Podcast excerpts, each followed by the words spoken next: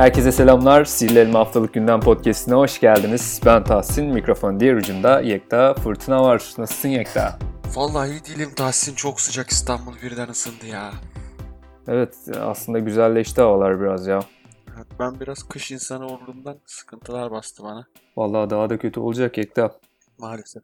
Ben de geçen hafta çok kötüydüm biliyorsun sesim bayağı kötüydü. Bu hafta biraz daha iyiyim. Geçmiş olsun. Geçen hafta için tekrar özür diliyorum arkadaşlar buradan. Yani bayağı enerjisi düşük bir podcast olmuş o. Bu hafta biraz daha iyi. Bir de az önce Infinity War'u izleyip geldim. Gerçekten. Hatta biraz gazım açıkçası. Gerçekten Aynen. mi? Çok üzüldüm mü? Çok üzül. Sen izledin mi? Yok Spoiler izlemedim ama şimdi. ben Gerçi zaten spoiler vermeyelim yok de. spoiler'dan değil. Ben sadece biraz üzüntülü bir film olacağını düşünüyorum. Sadece çok mu üzüldün, az mı üzüldün onu merak ediyorum. Hiç üzülmedim ya. Gerçekten mi? Öyle değil. Evet ama ne konuşursam spoiler olacak. O yüzden çok şey yapmıyorum. Yani e, neyse çok fazla konuşmayayım ben. Öyle Tamam. değil. Dinleyicilerin de tadı kaçmasın. Ben üzülmedim ama üzülecek olan çok vardır. Öyle söyleyeyim. Ha, anladım. Evet e, bu hafta 22-29 Nisan arası gündemi konuşacağız Yekta. Tabii konuşmadan önce sorularımız var. Sağ olsun İdris İnan Beyciğim bizi sorusuz bırakmamış. 3 tane sorusunu aldık bugün. İstersen onlarla başlayalım. Tabii başlamadan önce hemen unuttum onu söyleyeyim. Bizimle iletişim kurmak için podcast'e sihirlielma.com adresini kullanabilirsiniz. Ayrıca bize Sihirli Elma'nın Twitter ve Facebook adresleri üzerinden de ulaşabilirsiniz. Bir şeyi daha hatırlatacağım arkadaşlar. podcast.sihirlielma.com adresinden bize teknik sorularınızı değil de podcastlerde konuşabileceğimiz sorularınızı iletirseniz iyi olur. Ya çünkü biz bu adresten podcastlerde tartışabileceğimiz, yorumlayacağımız soruları almak istiyoruz. Hani MacBook'unuzun şarj olmamasını bu podcastlerde cevaplamıyoruz. Bu tarz teknik sorularınız için sorucevap.sihirlielma.com diye bir adresimiz var. Oraya gidip cevabınızı alabilirsiniz diyorum ve başlıyorum İdris İnan Beyciğimin ilk sorusuyla. iOS 12'den beklentiniz nedir? Hangi cihazları desteklemesini öngörüyorsunuz? iOS 12'den hiçbir beklentim yok benim. Hangi cihazları de- desteklemesini öngörüyorsunuz konusunda da şöyle. Apple eğer standart standardına devam edecekse iPhone 5s'i desteği kesecek. 6'dan itibaren destekleyecek iOS 12. Ama geçenlerde bir haber okudum. Belki sen de görmüşsündür. iPhone 5s'in de iOS 12'yi destekleyebileceği konuşuluyor. Eğer iPhone 5s'i de desteklerse iOS 12 bu Apple için bir ilk olacak. Sanırım ilk defa 5 senelik bir cihaza güncel işletim sistemi desteği gelecek değil mi Ekra? Aynen öyle. Ee, ama zaten 5S'e güncelleme gelmesini de ben bekliyorum, beklemiyorum. iOS 12 konusunda da ben biraz iki taraflıyım. Önceki podcastlerde bir beklentimin olmadığını söylemiştim. Ancak iOS 11.3 cidden olayları çok toparladı ve e, gerek kullanıcı yorumları gerekse geri bildirimler Apple'a çok olumlu. Bu olumlu havadan etkilenip de iOS 12'deki tasarım değişik iOS 12'de bir tasarım değişikliğine bence Apple gidebilir. Çünkü şu kesindi ki iOS 11 bu kadar sorunlu bir güncelleme olmasaydı iOS 12'nin yeni tasarım diliyle geleceği çok aşikardı. Çünkü senesi geldi iOS 12'nin. Nasıl 7'de değişti 12'de de değişecekti. Durum bu olunca eee, bilmiyorum yani tasarım güncellemesi gelirse hiç şaşırmam. Gelmezse de şaşırmam ama beklentim yok. Yani bence iOS 13'ü bekleyeceklerdir. Ee, iOS 12 birazcık e, optimizasyon ve performans odaklı bir güncelleme olacağı söylentileri çok var e, internette. Apple içeriden sızan bilgiler de bu yönde. Durum bu olunca optimizasyon ve performans odaklı olacağı için 5S'e gelme ihtimali de kuvvetleniyor. Çünkü neden? Optimizasyon ve performanstan en çok sıkıntı çekecek cihazlar yeni güncellemeyle birlikte iPhone 5S ve iPhone 6. E, durum bu olunca sen iPhone 5S çok büyük bir özellikle getirmiyorsan e, bu güncellemeyi vermem belki 5S'i tekrar hayata bile döndürebilir.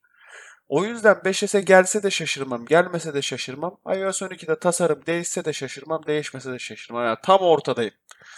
Ee, Ya ben bir sonraki iOS tasarım değişikliğinin radikal bir değişiklik olacağını düşünüyorum. Dolayısıyla bunun iOS 12'de geleceğini düşünmüyorum. Bence bir senesi falan daha var Ya. Tahsin şunu söyleyeyim mi sana?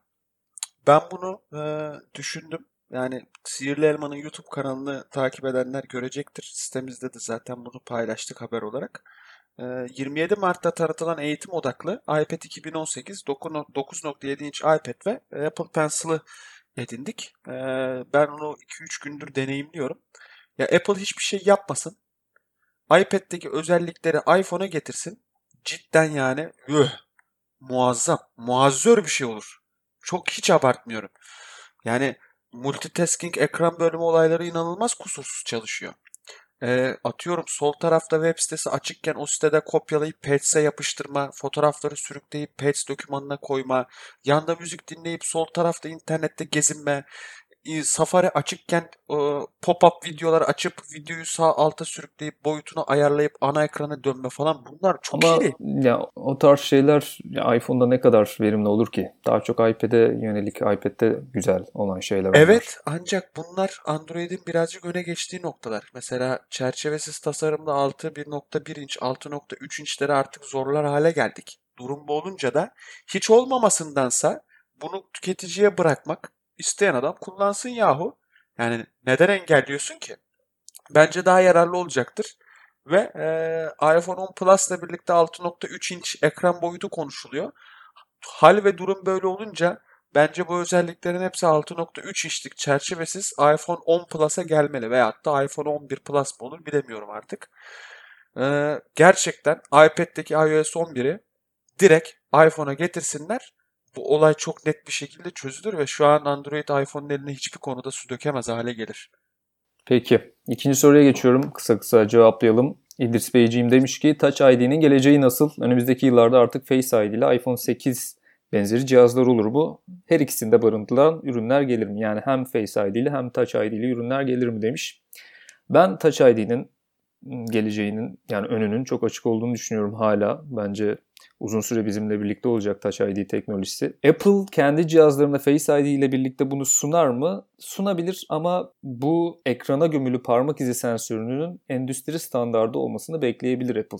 Eğer Samsung ve diğer Android cihazlar işte Xiaomi falan konuştuk. Bir tane Vivo diye bir firma vardı. Onlar onlarınki biraz daha prototipti ama eğer bunlar ekrana gömülü parmak izi sensörünü gerçekten müşterisine sunarlarsa Apple da bu yolu izleyebilir gibi geliyor bana. Hem Face ID'li hem Touch ID'li cihazlar olarak.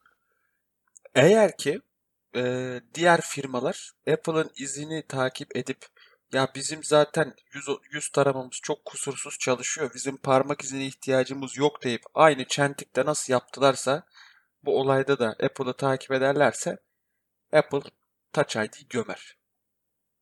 Onu çok net söyleyebilirim. Ancak diğer firmalar Apple'a karşı yüz taramayı değil de parmak izini tutarlarsa senin de dediğin gibi ekranın altına parmak izi okuyucu piyasa standardı olduğu zaman biz iPhone'larda görürüz. Burada diğer firmaların biraz ne tutumda olacağı Apple'ın bu konuda sıkıştırıp sıkıştırmayacakları e, Apple'ın yaptığı hamleyi belirleyici olacaktır. Peki bir şey soracağım. Sen ekrana gömülü parmak izi okuyucuyu mu tercih edersin Face ID'yi mi? Mesela ikisinden biri olmayacak. Çok net söyleyeyim ben şu an Face ID bende var. Yani ben Touch ID'yi gram aramıyorum. Daha memnunum. Allah Allah. Ben mesela ekrana gömülü bir Touch ID olsa onu tercih ederim. Yani ben Face ID'den memnunum. Zaten bunu incelemelerde de söyledim. Ben elleri terleyen bir insanım. Ve Touch ID'nin istediği kadar e, gelişsin. Bazı konularda sıkıntıları geçmiyor. Soğuk havalarda çiğ, buhu yapıyor, çalışmıyor. Ellerin terliyorsa, ellerin biraz ıslaksa çalışmıyor. E, bakıldığında e, Face ID'de sen saçını sakalını kes çalışıyor. Yüzün ıslak olsun çalışıyor. Sabah yeni kalk çalışıyor. Yani çalışıyor. Daha sorunsuz çalışıyor. 100 denemede 5 denemede Touch ID çalışmıyorsa Face ID 2 denemede çalışmıyor. Peki İdris İnan'ın 3. sorusuna geçiyorum. Apple'ın Türkiye'den mağazalarını çekebileceğini düşünüyor musunuz? Hayır. Hayır. Düşünmüyorum. Buna verecek cevabım bu kadar benim. Benim de hayır. Peki o zaman gündeme geçiyorum Yekta. Şimdi iOS 11.3.1 güncellenmesi yayın güncellemesi yayınlandı. Bu güncelleme ile birlikte 3. parti ekran tamiri problemi çözüldü. Neydi bu problem? Geçen sene iPhone 7'lerde de baş göstermişti bu problem. Üçüncü parti dükkanlarda ekran tamiri yapanlar yani iPhone 8'in ekranını Apple'da değil de işte mahalledeki caddedeki bir dükkandan değiştirenler iOS 11.3 güncellemesinden sonra dokunmatik ekranda problemler yaşadı. Geçen sene de iPhone 7'de olmuştu bu. Apple iPhone 7'de böyle bir problem yaşanınca güncellemeyle çözmüştü bunu. Aynı problem iPhone 8'lerde de yaşandı. Apple e, geçen sene uyarmıştı aslında hani 3. parti orijinal ekran kullanan 3. partilerde sıkıntı çıkabilir diye. Ama iOS 11.3.1 güncellemesiyle bu problem yine çözüldü. Yani bu İlginç. Apple bir mesaj mı vermeye çalışıyor? Bunu bilinçli mi yapıyor? Neden iki sene üst üste bu tarz sorunlar yaşandı? Ne diyorsun bu konu hakkında? Apple'ın e, bir açıklaması vardı. Ben o açıklama çok garibime gitmişti. E, üçüncü parti batarya değişimi ve üçüncü parti ekran değişimleri konusunda garanti kurallarını biraz esneteceklerini söylemişlerdi. O haber kulağına geldi mi veya hatırlıyor musun bilemiyorum Tahsin. Ben okuduğumu yabancı kaynaklarda ve bizim sitemizde çok net hatırlıyorum. Durum bu olunca da e, şimdi bunu düşünen firmanın böyle sorunları ikidir yapması garibime gidiyor. E, ben e, üçüncü parti ekranları her ne kadar Apple istese de ya benim telefonlarım üçüncü parti ekranlar, üçüncü parti bataryalar konulmasın dese de bunu e, korkusundan yapamayacağını düşünüyorum. Çünkü çok büyük şekilde kullanıcı kaybeder. Ya bu bir hatadır. Hata olduğunu düşünüyorum ki zaten düzelttiklerine göre hata. Ee, bu bence hata bu. Yani bir mesaj falan altında aramamak lazım. Peki ya pek tabii ki Apple'a gidip sorsak ya senin iPhone'ların 3. parti ekranlarla değiştiriyor. Ne düşünüyorsun? İstemez. Hiçbir firma istemez. Çünkü telefonun o dokunmatik kusursuzluğu eğer iyi bir yerde yapılmadıysa bozulabilir. Veyahut da batarya performansı bozulabilir. Adam onu bilmez. Gider Apple'a Apple'a suç atar. Ben senden hiç memnun kalmadım. A'ya dokunuyordum. B algılıyordu falan der. E, durum bu olunca da hiçbir firma istemez. Ama korkusundan da hiçbir firma bunu engellemez diye düşünüyorum. Evet ya bir e, hata diyoruz ama bu şundan dolayı kaynaklanıyormuş. Apple sanırım iPhone 7'lerden itibaren bu bir mikroçiple bağlı eşliyormuş dokunmatiği ekrana. Bu üçüncü parti ekran değişimi yapan yerler de o mikroçipi değiştirmeyi unutuyorlarmış veya o mikroçipi temin edemiyorlarmış. Mother, motherboard'un haberine göre konuşuyorum. Dolayısıyla böyle sorunlar çıkıyormuş ama iki sene üst üste aynı problemin yaşanması biraz garip. Sonuçta yazılımla düzeltilebilen bir şeyse neden iki sene aynı dönemde bir de yine geçen sene yine bu dönemlerde yaşanmıştı bu. Enteresan biraz. O, o mikroçip değişim olayını ben senden duydum bilmiyordum. Ee, biraz konudan alakası ama şeyi de söyleyeyim. Mesela YouTube kanalında 11.3.1'in videosunu çekmeyecek misiniz? Ee, yapalım mı güncellemeyi falan diye soruyorlar. Ee, ben buradan onun açıklamasını yapmak istiyorum. Ya pek tabii. Bu güncelleme evet, için bu mi? güncelleme için. Ya buna ne tabii, gerek tabii. var ki? Ya? Yani Hiçbir ben şey de ki. ben de öyle düşünüyorum zaten. O yüzden çekilmedik. Yani her güncelleme zaten önemli güncellemelerde bakabilirler. Mesela iOS 11.3 beta 1 incelememiz var. iOS 11.3 beta 2 güncellemesiyle batarya sağlığı kısmı geldi. Hemen batarya sağlığının videosunu da çektik. İlk çekenleriz hatta iki videoyu da. Durum bu olunca biz zaten önemli güncellemelerde videomuzu çekiyoruz. Onda hiçbir problem yok. Ancak yani bu gibi en ufak güncellemede bile ne çekeceğiz ki? Mesela ben şu an 11.4 kullanıyorum. 11.4 betasını kullanıyorum. Beta 2 değil. 11.4'te ne anlatabilirim ki? 11.3 haricinde hiçbir şey yok değişiklik. O yüzden e, Ya yok canım. Ge- gerek yok yani. Hiç bunun Aynen muhabbetini öyle. yapmaya bile onun, gerek yok. onun Boş ver. açıklamasını yapmak istedim. Yani önemli güncellemelerde emin olun biz videoyu çekeceğiz. Yani biz e, ben zaten şu an önden gidiyorum haldır huldur. 11.4 e, beta 2 kullanıyorum. Baktık 11.3 beta 3'te çok garip bir özellik geldi. Tabii ki onun videosunu çekeceğiz ama bizden her ufak güncellemede aynı şeylere papağan gibi tekrarlanmamızı beklemeyin. 11.3.1 telefonunuza çok yenilik getiren bir güncelleme değil. Tahsin zaten söyledi. Üçüncü parti ekran taktıysanız ve dokunma problemi yaşıyorsanız onun düzeltildiği bir güncelleme. Bu güncellemeyi yapıp telefonunuz yavaşlamaz. Bu güncellemeyi yaptığınız zaman telefon patlamaz elinizde. Hiçbir fark hissetmezsiniz. 40 MB'lık 4-5 tane kod satırından oluşan bir ufak güncelleme bu. Evet eğer böyle bir problem yaşayanlar varsa da çözüldüğü problemleri söylemiş olalım. Evet. Diğer haberimize geçiyorum. iPhone'un sahipleri tek bir özellik dışında telefonlarından çok memnun bu şekilde. Tahmin et bakalım o özellik hangisi? Hey Siri. Evet. Creative Strategies'in bir e, araştırmasına göre Amerika'daki iPhone 10 kullanıcılarının memnuniyeti %97 seviyesindeymiş. Çok yüksek bir memnuniyet oranı bu. Ama Siri'den genel anlamda bir memnuniyetsizlik söz konusu. İşte yaklaşık 10 kategoriye ayrılmış bu memnuniyetler. Neredeyse hepsi %90-80 seviyelerinde. Siri kategorisinde %20'lik bir memnuniyet söz konusu var. Ee, yani Apple da aksiyon aldı zaten. Bayağı her hafta Siri konuşuyoruz biz. HomePod'dan sonra herhalde Siri'ye gömmeyen kalmadı. Çok normal. Piyasadaki en akılsız akıllı danışman. Akıllı asistan pardon. Piyasadaki en akılsız akıllı asistan. Yani bu, bu kötü bir durum. Ve piyasadaki ilk akıllı asistan. aynı zamanda. Sen bunca sene ne yaptın? Peki şeyi soracağım ya Siri'yi çok konuştuk da mesela iPhone 10 kullanıcı memnuniyeti oranının %97 olmasına ne Çok diyorsun? normal. Her şeye çok normal diye mi cevap vereceksin? Yo Konuş konuşmayalım mı abi. yani güzel ürün. Ben zaten biz zaten 7-8 videoluk inceleme e, oynatma listesi var YouTube'da. En ufak ayrıntısına kadar yaptım. E, yani sence gerçeği yansıtıyor mu bu genelin kanısını yansıtıyor mu bu tabii anket? ki bence. Bence yansıtıyor. Ya en basitinden ya birkaç şeyden bahsedeyim. Üretim kalitesi. Muazzam bir elde tutuş hissi var. Ekran kalitesi. 2K ekran var. AMOLED ekrana sahip. AMOLED'in renkleri çok iyi bir şekilde ayarlanmış ve AMOLED testine soktukları zaman piyasadaki en iyi AMOLED ekran şu an iPhone 10'da. Bunu üçüncü parti bağımsız testler söylüyor. E, pil süresine bakıyorum. 2741 mAh pili var. Çok iyi bir şekilde bir günü çıkartıyor. Eğer oyun bağımlısı değilseniz. E, bakıyorum tuş kalitesi, iOS 11'in stabilliği, e, gesture hareketleri çok iyi. Kamera özelliklerine bakıyorum. Ön kamerada arka plan yok etme, e, depth, portre, arka kamerada portre, gerek olarak video 4K 60 FPS destekliyor. Ya bunlara bakıldığında gerçekten bu high-end yani en üst üründeki özellikler ne varsa iPhone'da var. E, tasarım bence hoş. E, Face ID denen bir teknoloji var. Diğerleri bak bir seneyi doldurdu yanına yaklaşamıyor. E, e, daha ne olsun? Peki abi sana klasik YouTube yorumcusu taklidi yapayım mı? Yap abi. O kadar para verdin tabii memnun kalacaksın.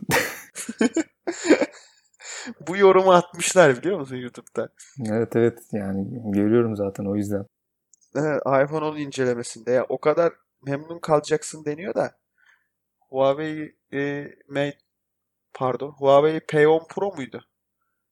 Tabii P, Huawei P20 P10 diyorsun. ha, P20 Pro. Huawei P20 Pro 5000 lira. Yani çok açık ve net. Yani Huawei P20 Pro 5000 lira. Para verip memnun kalma gibi bir durum yok. Şu an bütün telefonlar bu minvalde ilerliyor.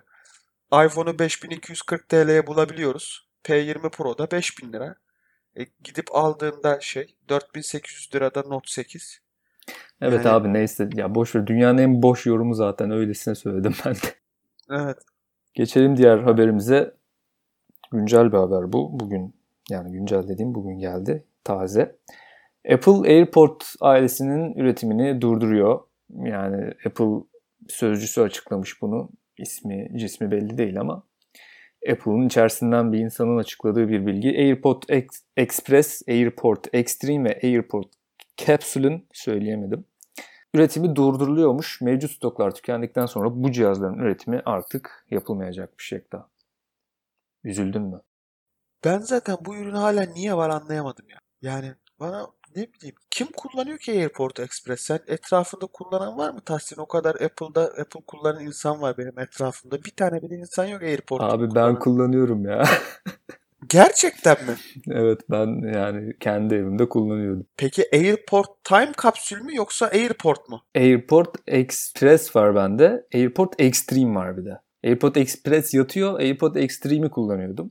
Yani şey için kullanıyordum genelde. Hani ne için kullanıyorum dersen ağı bölüyordum. Aslında çoğu router'ın yapabileceği şeyler. İşte misa- misafir ağına bölüyordun. Başka ağa bölüyordun. Bir de ben hız konusunda bir miktar e, hız ve range konusunda bayağı bir fayda sağladığını düşünüyorum. Ama şunu da söyleyeyim. Amerika'da falan bayağı kullanılıyor ya Ekta. Hani Yapma Türkiye'de ya. belki etrafında görmemişsindir ama yorumlara falan da bakarsan böyle bu habere üzülenler falan var bayağı. Ya ben üzülmedim öyle çok aşırı kullanıcısı değildim ama Ya çok daha ufak router çözümleri varken, range extender'lar varken bilmiyorum ya. Yani bu kadar kallavi bir ürün kullanmak çok büyük ya. Çok daha ufakları var bunun. Çok daha ufak routerler var. Fişe takıyorsun, fişte takıl duruyor, unutuyorsun. Bilmiyorum. Ben, ben, ben ilgi alanıma giren bir ürün değil yani. Şu an biri sorsa hiçbir şey bilmiyorum hakkında. Ama menzil konusunda söylemiş şaşırttı. Menzil konusunda ben de sıkıntılar yaşayan bir abi insanım. net net faydası oldu biliyor musun? Ben aslında ya o amaçla e, edinmemiştim ama net bir faydası oluyor menzil konusunda. Yani- Yani öyle. AirPod ürünleri üretimi durdurulacakmış. Evet, e, nerede kalmıştık Yekta? AirPort konuşuyorduk. Teknik bir sıkıntı yaşadık arkadaşlar ama şimdi çözdük o teknik sıkıntıyı diye düşünüyoruz. Kaldığımız yerden devam edelim. Gene iPhone SE. Evet, iPhone SE yine yani iPhone SE'ye ait olduğu söylenen bir video yayınlandı. İzledin mi o videoyu Yekta? İzledim bana acayip çakma geldi ya. Yani çok çakma bence de. Çok da bir şey ifade etmiyor ama bunu bu haberi almamın sebebi aslında şu çok fazla dedikodu gelmeye başladı artık iPhone SE hakkında. Din, dinleyenler de sıkılmış olabilir bundan. İşin şaşırtıcı kısmı neredeyse iPhone 10 kadar dedikodusu evet, dolaşıyor evet. etrafta. Ya bir de dedikodular da aslında öyle çok şey değil. Sürekli birbirini tekrar eden dedikodular bunlar. Pişirip pişirip önümüze tekrar veriyorlar. Ben şeyi konuşmak istiyorum. Senin iPhone SE 2 hakkındaki son tahminlerin, görüşlerin neler? Mesela yaptığımız haberde e, söylenenler şu olmuş. Sen nasıl bir cihaz E, bekliyorsun abi? Bana onu söyle. Bu söylenenler dedikodular ışı- ışığında nasıl bir iPhone SE 2 bekliyorsun? İkinci nesil Touch ID ve geliştirilmiş kamera neredeyse %100 bekliyorum. Yeni cihazdan. E, işlemci güncellemesi A10 kesinlikle bekliyorum. E, yani şu an nasıl uygun fiyatlı iPad e, 27 Mart'ta tanıtılan A10 Fusion'la çıktıysa gene aynı şekilde SE2 de e, A10 Fusion'la çıkacaktır. E, daha düşük çözünürlüklü olduğu için çok daha uzun süre gidecektir.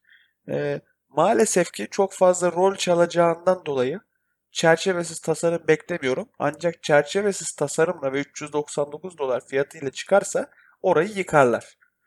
Yani orta segmentte Apple bitirir diğer rakipleriyle. Ben dünya çapında herkes gider orta segmentte e, 2500-3000 TL bandında herkes SE alır. Herkes. Android'dir, diğerleridir, zarttır, zurttur hepsi bir ölür. Samsung'un A serisi, e, şey e, Huawei'nin Lite serileri alayını bitirir. E, birazcık maalesef ki çerçevesi tasarımla geleceğini düşünmüyorum. E, ancak kablosuz şarj, ikinci nesil Touch ID, geliştirilmiş kamera, A10 Fusion işlemcisi mantıklı. 399 dolar seviyesi de mantıklı. E, ben keşke şunu diyorum. 399 dolar seviyesinde değil de e, 700 dolar bandında bir SE görsek ve bu çerçevesiz tasarıma sahip olsa çok daha mis olur bence. Çünkü şu an ürün bandına baktığımız zaman e, Ona SE demezler artık 399 canım. Şimdi SE adıyla bayağı bir giriş seviyesine hitap ediyorlar ya. Öyle bir şey yaparlarsa adı SE olmaz yani. giriş seviyesine hitap ettikleri bir telefon aslında şu an var ya iPhone 6s olacak. E, bilmiyorum yani ben SE'de birazcık daha agresif olup o boşta duran 700 dolarla 900 dolar arasındaki fiyat bandını doldursalar çok daha iyi olacağını düşünenlerdenim. Fiyatta 3800-3900 TL bandında oturursa Türkiye'de gene çok satar. Evet ben de senin aynı cihazı bekliyorum aslında. Yazıda da yazmıştım. A11 ile gelmeyecek gibi görünüyor artık bu saatten sonra. Kablosuz şarj ikinci nesil Touch ID ve daha iyi bir kamerayla birlikte gelecek büyük ihtimal. Fiyatı konusunda acaba 349 mu yoksa 399 seviyesinde mi olacak çok emin değilim. Ve büyük ihtimalle de hani Mayıs ayında falan da tanıtılabileceği söyleniyor ama büyük ihtimalle WWDC'de tanıtılacak iPhone SE 2. Yani umarım bizi şaşırtır Apple ama artık son yıllarda hiç öyle bir şey görmüyoruz. Sen de hak vereceksindir diye düşünüyorum. Genelde söylentiler %80 %90 oranında doğru çıkıyor. Umarım şaşırtır ama yine de öyle ufak bir ümit. Evet bir sonraki haberimize geçiyorum. iOS 11 benimsenme oranı %76'ya ulaşmış. Yani kullanıcılar iOS 11 piyasaya çıktığından beri iOS cihazların %76'sı iOS 11 sürümüne güncellemiş, yüklenmiş, kullanılıyor şu anda. Rakam az. %76'lık dilim önceki güncelleme e, zamanlarına baktığımız zaman bu kadar olmuşken 11.3.1'i gördük. %76'da kalmış. Önceki seneler 90 üstünü görüyordu. Tabii tabii Şubat ayında mesela iOS 10 işletim sisteminde Şubat ayında %80'i aşmıştı. Şu an Nisan'dayız iOS 11 %76. Ya aslında Android'le falan kıyaslayınca bayağı iyi de hani Apple'ın kendi içerisinde bir gerileme söz konusu tabii. Evet. Yani ona rağmen %76 çok iyi rakam bence. %76 olmasını bile beklemiyordum ben. E, Android ile kıyaslayacak olursak Android'in en son işletim sistemi Android e, 8. 4.0 Oreo'ydu yanlış hatırlamıyorsam. 4.6 mesela yüklenme oranı. Onu da söylemiş olalım. Vah ki vah.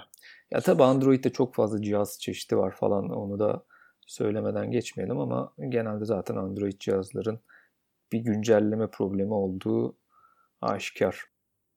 Zaten onu çözmeye çalışıyorlar ya. Şey e, güncellemeleri firmalardan bağımsız yapmaya çalışıyorlar. E, iki katmanlı işletim sistemi geliştirecekler. Bir Core OS, yani çekirdek Android ve güncellemeler, güvenlik yamaları çekirdek Android'e gelecek. Üst katmanda da Samsung, Huawei gibi firmaların kendi arayüzünün olduğu katman. Bunlar bunlara da e, diğer firmalar yani ürünün sahibi firmalar güncelleme verecekler. Böylelikle güncelleme sorununu çözecekler. Öyle bir plandan konuşuluyor. Evet bir sonraki haberimize geçeyim o zaman. Şimdi Apple iPhone isimlendirmesini iPhone markasını sadeleştirme yoluna gidebilirmiş 2018'de ki ben böyle bir ihtiyacı olduklarını düşünüyorum. Çünkü eğer dedikleri gibi 3 yeni iPhone piyasaya çıkacaksa 2018 yılında ki böyle olacak gibi görünüyor. Ortalık biraz karışacak. Şimdi iPhone 8'ler var. Yeni çıkan iPhone'lar iPhone 10 adında mı sunulacak? iPhone 9 gelecek mi? 11 mi olacak falan derken deniyor ki bu 3 iPhone'lardan en azından bir tanesi büyük ihtimalle LCD olan diye tahmin ediliyor. Onun adı sadece iPhone olabilir deniliyor. Buna da hani 7S çıkmadı da 8 çıktı ya direkt. Buna işaret ediyorlar. Hani Apple'ın bunu yapma amacı aslında ileriki senelerde bu iPhone isimlendirmesini biraz daha sadeleştirmek için deniliyor. Sen ne düşünüyorsun? Bu sene biraz karışacak bu iPhone cephesi. Bir sadeleştirme yapılmalı mı isim konusunda? Kesinlikle yapılmalı. Sadece iPad konu şey iPhone konusunda değil, iPad'de de. iPad'de Şimdi ama yaptılar bak... sanki onu ya. iPad'de çok A- sıkıntı görmüyorum ben. Tahsin. iPad Pro. Birkaç tane. 12 inç iPad Pro, 9.3 iPad Pro. Bir de iPad var şu an. Bir de iPad mini. 4 cihaz var. Yaşanan sıkıntıyı söyleyeyim. Ee, gittim. Zorlu'ya gitmek istemedim. Oturduğum bölgedeki teknoloji mağazalarına gittim. Elinizde iPad 6. jenerasyon 128 GB var mı diye sordum, soruşturdum. Bak 3 mağazaya gittim. 2 tanesi bu hatayı yaptı. Yok abi onlar daha gelmedi dedi. İki tanesi çıkardılar kutuyu bana verdiler. Baktım 128 GB. Baktım kutuların şekilleri de aynı 5. nesilde. Arkayı bir çevirdim etikete bastım. Baktım 5th generation yazıyor. 5. jenerasyon vermişler. Kutu birebir aynı. Ürün birebir aynı şekil şemali. Sadece orada 5 yerine 6 yazıyor. Ya bakıldığında bu kadar niye yoruyorsun kendine? Sevgili Apple, iPad 2018, iPad 2017, iPad Pro'larda hiçbir problem yok zaten.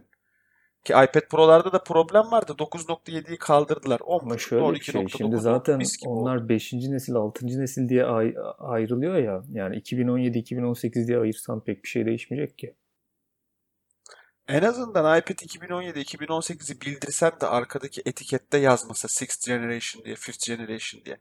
Adı direkt iPad 2017, iPad 2018, iPhone Plus 2018, e, iPhone e, ya pardon, yılla, iPhone yılla isimlendirmek çok güzel olmaz Yekta ya. Ben, ben Bence Samsung o konuda isimlendirme konusunda karma karışık bir ürün gamına sahip olmasına rağmen mis gibi. A5 2016, A5 2017, A5 2018 mis. Hayır ama 2015-2017'de o cihazlar bu etiketle satılmıyor. Yani model numarası olarak sen 2017-2018 olduğunu biliyorsun. Aslında iPad'de de onu biliyorsun ama 6. nesil ya da 5. nesil diye geçiyor. Bilmiyorum ya. Yani bilmiyorum. Ben yılın mutlaka bu işin içine girmesi taraftarıyım. Çünkü neden? Piyasada her şey olabilir. Yenilikler sürekli geliyor. İnsanlar bekliyor. Yani sürekli yenilik geliyor. SE bir yandan, şey bir yandan, o bir yandan, bu bir yandan. Abicim senin bir SE'in olacak. Bir iPhone 10'un olacak. Bir de 10 Plus'ın olacak e, normal iPhone SE olmaya devam edecek. iPhone SE 2017. iPhone, iPhone Plus. Yanlarında da 2018'i koyacaksın. Mis gibi güle güle kullanacaksın. Önceki sene telefonlar zaten belli. Önceki sene çıkanlar. Yani 2019 senesinde gidip orta segment veya giriş segment telefon alacaksan iPhone 2018 alacaksın. Bu kadar basit. Belli 2 sene önce Apple'ın planı programı da o. Ha bu belki satış konusundan Apple'ın şeyini yapabilir. E, çekinceleri olabilir. Ya 2020 senesinde de iPhone 2018'i millet gidip almaz diye. Ama böyle de karma karışık ya. Abi o yılla isimlendirme olacağını ben hiç düşünmüyorum. Yani en azından ben de düşünmüyorum. Zaten keşke olmaz. olsa diyorum. E, büyük ihtimal hani iPhone 10 Plus, iPhone artık diğer diğer üçüncüye de ne isim takacaklar bilmiyorum. iPhone 11 mi derler ne derler bilmiyorum. Ama iPhone cephesi karışacağı için bir isim konusunda kafa patlatması gerek Apple o konuda hemfikirizdir diye düşünüyorum. E, iPad konusunda çok güzel yaptı işte. iPhone e, 11th Generation. 11. jenerasyon. iPhone Plus 11. jenerasyon. iPhone SE 2. jenerasyon. Mis. Hepsinin kendi içinde jenerasyon farkı da olabilir. Evet. Şimdi taze bir haberimiz var. Bu da bugün çıkmış bir haber. Aslında Apple'ın uzun süredir konuşulan bir haberde Apple'ın artırılmış gerçeklik ve sanal gerçeklik teknolojisine yaptığı yatırımlar ama sanırım ilk ciddi haber bu olabilir. Çünkü ilk kez bir ürün özelinde bu kadar detaydan ve ürün üzerinde somut bir şekilde bahsediliyor. CNET'in haberine göre diyor ki Apple 2020 yılında artırılmış ve sanal gerçeklik başlığı çıkartacak. Hatta deniyor ki 8K çözünürlüğe sahip olacak bunlar ve herhangi bir akıllı telefona ve bilgisayara bağlı olmadan kablosuz şekilde çalışacak bu başlıklar. Yani HTC Vive gibi bir şey geliyor anladığım kadarıyla. Hem artırılmış gerçeklik hem sanal gerçeklik diyor. Yani acaba bir mixed reality mi söz konusu bilmiyorum ya da iki ayrı cihaz mı onun hakkında da pek bir detay yok. Bilgisayara ve akıllı telefona bağlı olmadan çalışması da enteresan. Tamamen kablosuz bir cihaz geliyor anlaşılan. Hatta bir teknoloji ismi verilmiş. Kısa mesafeli kablosuz teknolojisi. Adı da WiGig diye okunuyor herhalde. Nasıl okunuyor bilmiyorum. W-I-G-I-G diye. Yani ne diyorsun Apple artık gerçekten herhalde bir sanal gerçeklik başlığı ya da artılmış gerçeklik başlığı konusunda somut bir adım atmış ki 2020'de bir cihaz göreceğiz gibi görünüyor. Bununla alakalı geçen haftalarda patent görselleri falan zaten sızdı. Evet evet. Apple çok Daha önce de şekilde... sızmıştı bu arada yani. Çok iki evet. yıl önce falan da sızmıştı da. Hani bu kadar bir ürün hakkında somut bilgilerimiz yoktu. Yani AR konusunda birkaç sunumdur çok üstünde duruyorlar. Ben böyle bir ürünün gelmesini bekliyorum. Yani 2020 mi olur, 2021 mi, 22 mi olur bilemem. Bakıldığında böyle bir ürün gelmesi mantıklı. Ee, şu anda da zaten 8K ekrana sahip olacağından bahsediliyor. Kablosuz olacağından bahsediliyor. E bakıldığında bu teknolojileri zaten şu anda Vive kullanıyor. 8K değil belki 4K ama var mı bu teknoloji? Var. Vive'a bir aparat alıp kablosuz hale getirebiliyorsun. HTC Vive sanal gerçeklik gözlüğünü. Hı hı. Ancak şu anda bunun herkeste olmama sebebine çok pahalı. Yani 2020 senesine kadar maliyetler düşerse kablosuz 8K çözünürlüğe sahip e, e, ekrana sahip bir VR gözlük Apple'dan beklenebilir. Hatta ve hatta telefonu içine sokulmayacağı bunun apayrı bir cihaz olarak satılacağı da söylenenler arasında acayip mantıklı. A11 Fusion, A11 Bionic'in gücüne bakıyorsun. A11'in Bionic'in gücü gerçekten çok fazla. 2020 deniyor. 2018'de A12 çıkacak. 2019'da A13 çıkacak. 2020'de A14 çıkacak. A14 işlemcisi 8K çözünürlüğü tiril tiril çalıştırır. E şu anda zaten A10X işlemcisi iPad'lerde 2K çözünürlükle deli gibi oyunlar oynatıyor. 60 FPS hatta iPad Pro'larda 120 FPS ekran tazeleme hızı var. 120 FPS'de 2K'da PUBG çatır çatır oynanıyor. Hiçbir performans sıkıntısı yok. E, durum böyle olunca 2020 senesinde A14 işlemcisiyle birlikte 8K 60 Hz destekleyen WiGig e, özelliği içinde bulunan kablosuz görüntü, yakın mesafe kablosuz görüntü aktarımı teknolojisini içinde barındıran bir VR gözlüğü çok mantıklı bir haber. Olabilir. Benim burada şaşırdığım tek bu konu şu oldu. Ee, bunu Apple bu zamana kadar hep VR konusuna pardon AR konusuna arttırılmış gerçek konusuna ağırlık vermişti. Ee, VR ile AR aynı anda olması biraz şaşırtıcı oldu. Ya ben acaba ben şunu merak ha. ediyorum Bektaş. Şimdi ben kesinlikle bu cihazın ucuz bir cihaz olacağını düşünmüyorum. 2020'de çıksa bence çok pahalı bir cihaz olacak. Orası kesin. Kablosuz olacak, yüksek teknoloji görüntü aktaracak falan. Bunlar şimdiden benim gözümü çok korkutuyor. Ben şunu merak ediyorum. Ya şimdi VR teknolojisi ya da AR teknolojisi evet başka alanlarda da kullanılıyor ama şimdi şunu kabul etmemiz lazım. Her iki teknoloji de özellikle sanal gerçeklik teknolojisi biraz oyunlarla yürüdü, oyunlarla büyüdü. Özellikle HTC Vive bu konuda. Apple'ın da aslında bu oyunlarla arasının çok da iyi olmadığını biliyoruz. Yani şimdi iOS 11 oyunları falan diyeceksin ama ya abi bilmiyorum bir iOS 11 oyunu oynamak var VR'da bir de Skyrim oynamak var HTC Vive ile yani. Dolayısıyla tabii, ben tabii. acaba Apple bu VR ve AR gözünü çıkardığında nasıl bir içerik sunacak onu merak ediyorum. Acaba HTC Vive gibi bir Steam'den oyun indirip o başlıkla oynayabilecek miyiz? Yoksa kendi ekosistemi içinde farklı bir şey mi sunacak? Ben bunu merak ediyorum biraz açıkçası. Apple TV'nin nasıl kendine özel App Store var? Evet ama işte ee, olursa iyi olmaz hatta. Kötü o ya. Yani ben sadece Bence o gözlükle yani o kadar güçlü bir gözlükle iOS 11'deki ya kusura bakmasın kimse dandik oyunları oynayacaksam o tatsız biraz. iOS 11'deki oyunların dandik olduğuna kesinlikle katılmıyorum. Bunu belki 3-4 sene önce söyleseydin %100 hak verirdim. Ya şunu demek istiyorum abi. Sene önceki... Bir Fallout 4 mü, bir Skyrim mi yoksa iOS 11'deki oyunlar mı? Yani anlatabiliyor Şöyle muyum? Yani bir tarafta konsol camiasının, Haklısın. PC camiasının Haklısın. AAA oyunları var. Bir de iOS 11'deki oyunlar var. Ya bunları karşılaştıramayız şimdi. Şunu soracağım sana Tahsin. 3 sene önce mobil bir cihazda PUBG mobile oynayabileceğini hayal ediyor muydun? Veyahut da Fortnite? Ya abi 3 sene önce MOBA falan vardı ya iOS'te. Yani o kadar da değil. Hayır PUBG gibi 100 kişi devasa online oynayabileceğin ve kalitesinin bu kadar iyi olduğu, görüntü kalitesinin bu kadar iyi olduğu bir oyun göreceğini tahmin ediyor muydun? Yani gel gelişir herhalde diyordum ama ben mobil oyunculuğa zaten çok uzun zaman önce bıraktığım için çok düzenli. Ben de mobil oyun oynamıyorum. Ben orada hiç yokum. Söyleyeyim. Ancak 2020 senesinde gelişen işlemci, mobil işlemci teknolojisiyle gelişen donanım parçaları yüzünden aradaki fark kalmayacak.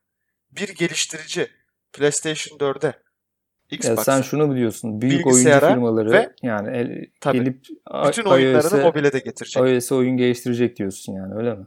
Evet çünkü para kazanacakları yerde olacaktır bu firmalar ve burada para kazanıyorlar. Şu an kazanıyorlar ki getiriyorlar. FIFA var. E, Pro Evolution Soccer var. PES var. PUBG var. Fortnite var. Hatta bunun haberini yaptık bu hafta içinde.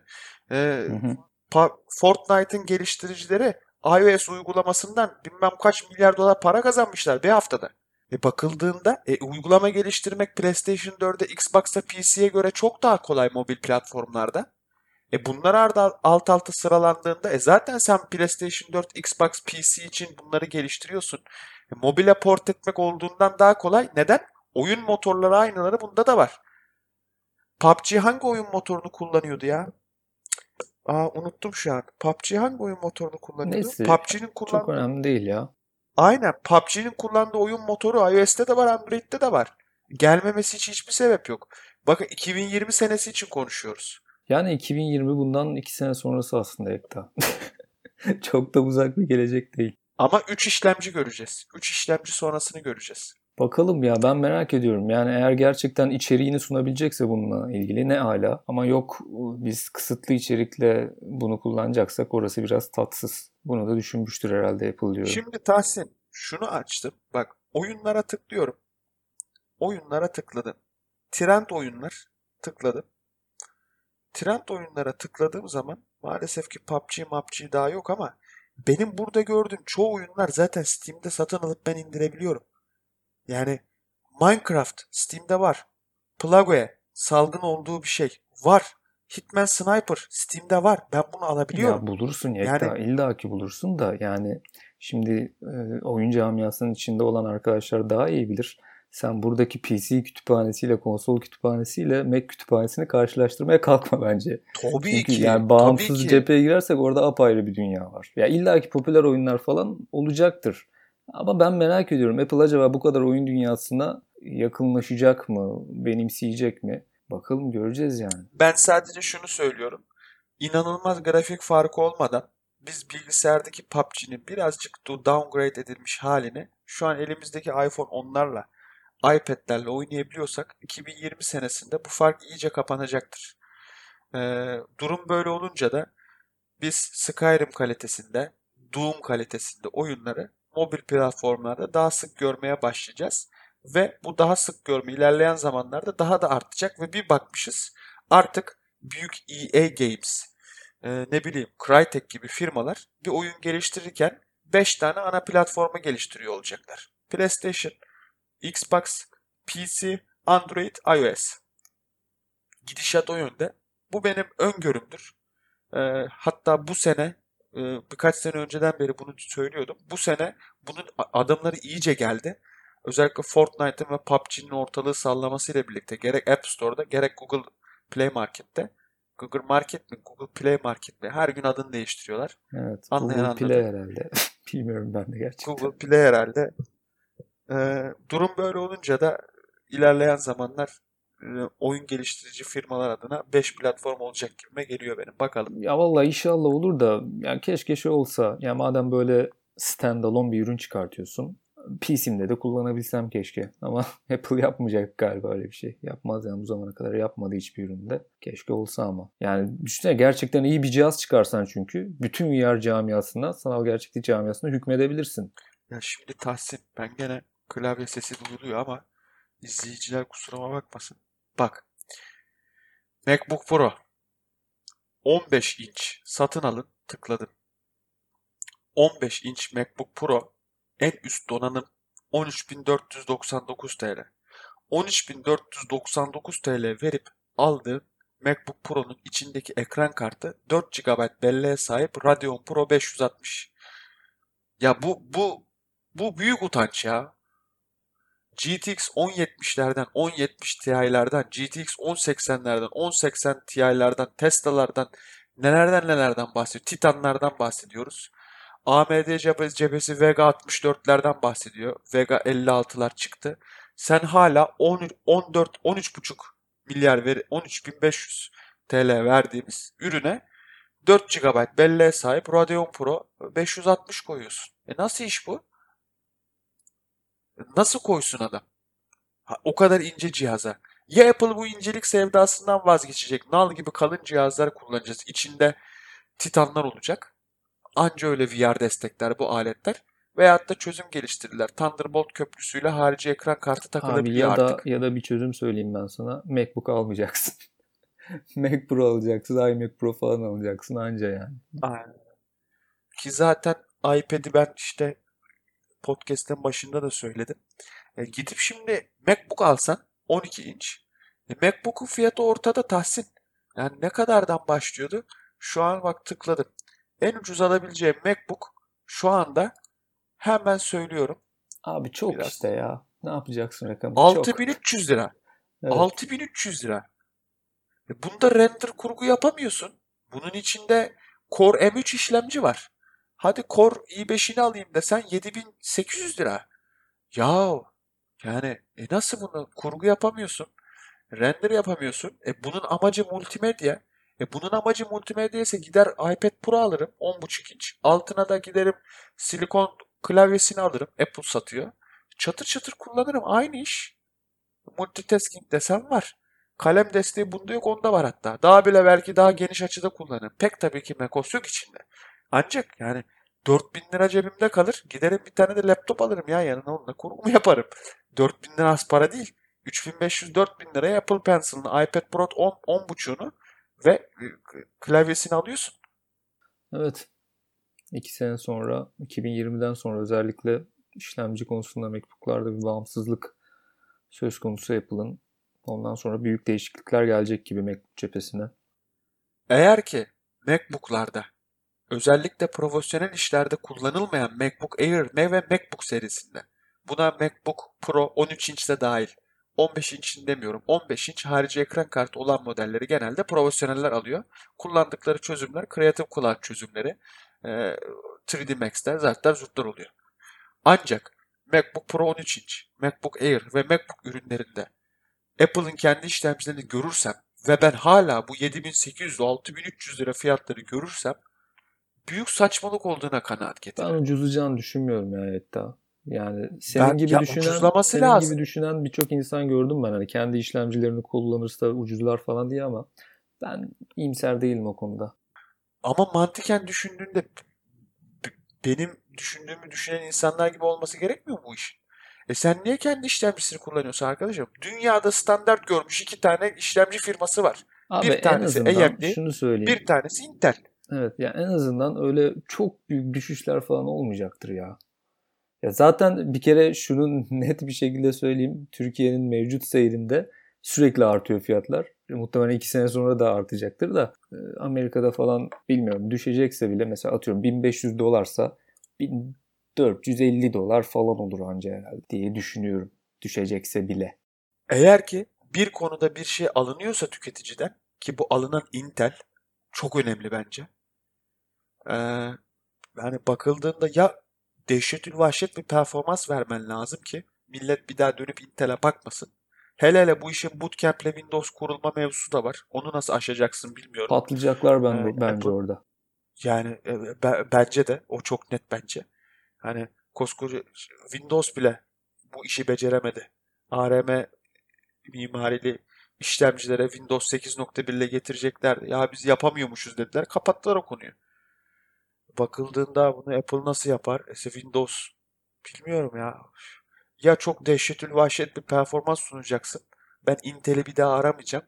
Veyahut da bana çok uygun fiyata Mac kullanma imkanı vereceksin kendi işlemcilerinde. Performans farkı olmadan. Aa iyiymiş ya diyeceğim. Gideceğim ben MacBook'u 12 inç MacBook'u 4000 liralara alabileceğim. Mismiş diyeceğim. Ama onun haricinde bana mantıklı gelmiyor. Evet Yekta. Benim bu haftaki konularım bu kadar Yekta. Eklemek istediğim bir şey var mı? Çok sıcak be Tahsin.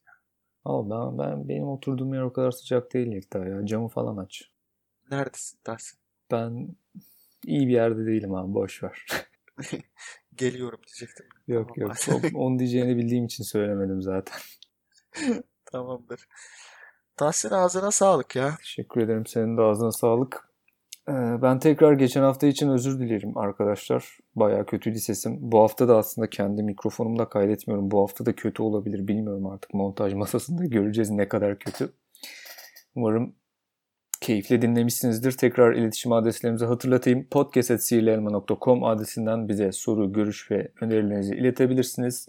Twitter ve Facebook hesabından, Sihirli Elma'nın Twitter ve Facebook hesabından da bize ulaşabilirsiniz. Ayrıca bizi SoundCloud ve iTunes'tan dinleyebilirsiniz.